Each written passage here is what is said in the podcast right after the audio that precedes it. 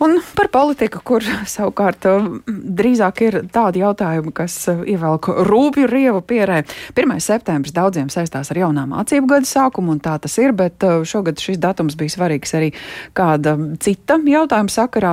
Līdz 1. septembrim Krievijas pilsoņiem, kur iepriekš bija Latvijas pilsoņi, bet nepilsoņi, bija jānokārto valsts valodas eksāmens, un tas bija saistīts ar uzturēšanās atļaujas pagarināšanu. Pirms vēlēšana gaisotnē tapušās prasības, eh, nu, politiķi atkal ieskata, ka būtu maināmas. Kas tad īsti notiek ar tiem cilvēkiem, kuri aizgāja uz eksāmenu? Kas notiek ar tiem, kas neaizgāja?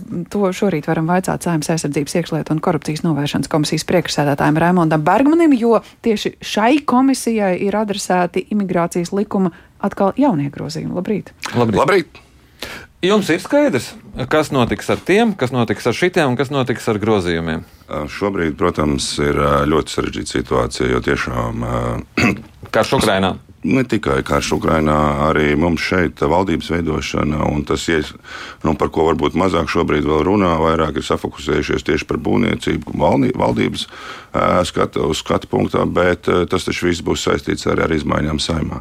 Līdz ar to šis viss process būs sarežģīts, jo nu, vienlaicīgi mainās, droši vien mainīsies komisijas sastāvē, mainīsies prezidijas, un vienlaicīgi ir jāturpina darbs, un darba ir ļoti, ļoti daudz.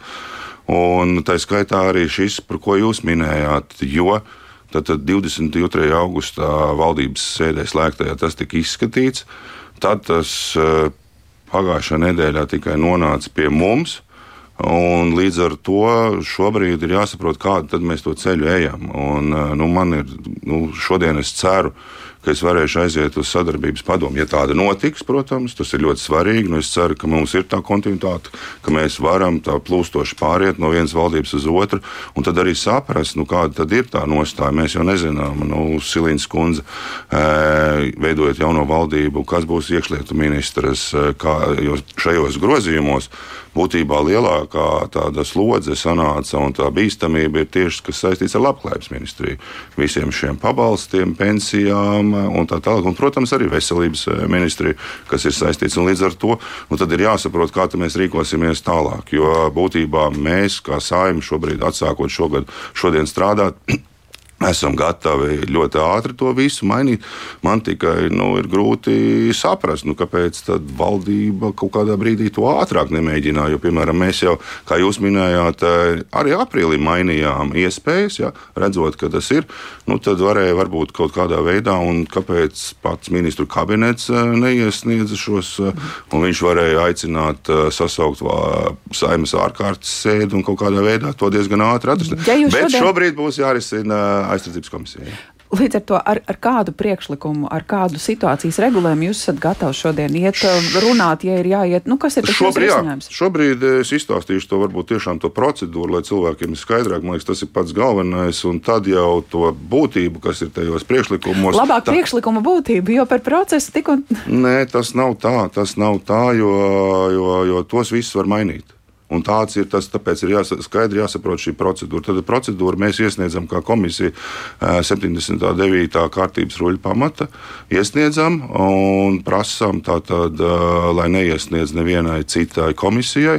Līdz ar to, ja mēs ejam šādā veidā, tad mēs varam lūgt arī steidzamību. Un Un tad eh, tas ir, eh, nav, viņu var neizskatīt, uzreiz izskatīt kā pirmajā lasījumā, uh, sēdē, un mēs lūdzam viņu iekļaut. Neskat, nu, piemēram, rītdien mēs Bergmaņa kungs, ķeramies nē, pie ierosinājuma. Nē, bet tas ir ļoti būtiski. Ir īpaši tāpēc, ka, ja tas ir steidzamības kārtā, tad patiesi tur ir bez lielām diskusijām tas, ko komisija ir gatava Jā, piedāvāt. Tur ir viena ļoti liela nianse. Ļoti liela nianse. Ļoti liela nianse ir tad, kad ja ir nobalso divas trešdaļas no sēdē klātesošajiem, tad tā ir lielā steidzamība, un tur vairs prezidents neko nevar mainīt. Tā ir ļoti būtiska nianses, par kuru ir izteicies arī pats prezidents. Ka iespējams arī viņam ir savs skatījums uz šo jautājumu, un arī viņš vēlētos iesaistīties. Un, ja nu, kaut kādā veidā tie priekšlikumi vai tas, ko nobalsos saima, būtu jāmaina, tad viņš labprāt tos arī varētu realizēt. Bet, ja tas notiks tā, tad viņam šādas iespējas nebūs. Tas ir ļoti būtiski. Tad par priekšlikumiem nestāstīsiet. Par priekšlikumiem es varu izstāstīt. Viņi pārsvarā attiecās, kā jau minēju, šie priekšlikumi pārsvarā attiecās uz to, par šiem cilvēkiem, kas attiecās uz šīm sociālajām lietām. Nu, es jums varu viņus minēt, nu, kad šis 58, 7 prīm Krievijas pilsoniem, kas pastāv uzturēšanās atļaujas dēļ beidzies saskaņā ar likuma pārējais to, to punktu. Un es izlaidīšu dažas lietas. Tātad, kā arī tādas pašas tiesības uz valsts sociālās apdrošināšanas aģentūras, nodarbinātības valsts aģentūras administrētajiem pakalpojumiem, bezdarbnieku status, invaliditātes ekspertīzes, atbalsta pakalpojumiem, invaliditātes seku mazināšanai, pašvaldības sociālās palīdzības pabalstiem un sociālajiem pakalpojumiem, kas līdz šim saskaņā tiesību normu paredzīts pastāvīgās uzturēšanās atļaujas turētājiem. Tad, tad šie cilvēki, šis piedāvājums ir pagarināts uz diviem, eh, nepagarināts, atvainojos, jābūt ļoti precīzam piešķirt eh, šīs termiņu uzturēšanās atļaujas uz diviem gadiem. Un, eh, tas ir tas, kad eh, šobrīd pēc likuma. Ja likuma izmaiņas jau nav. Viņi tad ir zaudējuši visas šīs tiesības, kuras es minēju, un tas ierobežos viņu dzīvi ļoti spēcīgi. Un tāpēc šobrīd mēs sagaidām, kas ir ļoti būtiski, jo tie ir jāievēro, kad sūta savus pieteikumu anketas un dokumentus pa pastu. Tātad tie, kas ir visi kārtojuši eksāmenus, viņi vēl nav saņemti. Es ceru, ka šajā nedēļā valsts izglītības satura centrs saņem šo informāciju. Viņš nodos PMLP šo informāciju, un PMLP tad varēs saprast, kāda ir tas, kas ir šobrīd jau mēdī telpā, viss skaidri dzirdam, ka Tas ir arī likumā, ka desmit dienu laikā, darbdienu laikā ir jāapkopo šī informācija. Šobrīd PMLP, un tas ir tas, ko ļoti daudz cilvēku prasa. Nu, kā tad nav tās skaidrības, bet tiešām viņas nav. Jo ir ļoti daudz cilvēki, kas ir izvēlējušies kārtot savādāk savu dzīvi, aizbraukt kārtot pilsonības eksāmenu, iet uz, jau uz termiņu uzturēšanās atļauju pēc citiem nosacījumiem. Līdz ar to nu, ļoti svarīgi, un es, protams, nezinu, varbūt tas arī tiks spriests šodien sadarbības padomē, ja tāda notiks. Nu, tad sagaidām varbūt šos rezultātus, un tad rīkojamies. Tā kā, vai nu tas ir nepieciešams, jo skaidrs, ka ir jāizsūta arī šie, pēc, no, pēc likuma ir jāsūta šīs vēstules cilvēkiem. Tātad tie, kas uh, viņiem tiks sūtīts vēstules, ka viņiem 90 dienu laikā ir jāatstāja valsts. Tad valsts zina, cik daudz ir to cilvēku, kuriem bija jākārto eksāmenis. Jā. Pēc desmit dienām zinās, cik ir nokārtojuši Jā. un cik nav nokārtojuši. Ne tikai. Ne tikai tur būs tas, netiecās tik daudz uz eksāmeniem kopumā, dažne dažādas lietas, jo tur ir cilvēki, kas dzīvo ārpus, kas, kā jau minēju, ir eh, citi jau ir izvēlējušies saulēcīgi, jo ir tāda tiesības cilvēkiem pāriet uz termiņu uzturēšanās atļaujām, kas nemaz nav tik vienkārši. Tas pietiekoši sarežģīti ir un daudz lietas.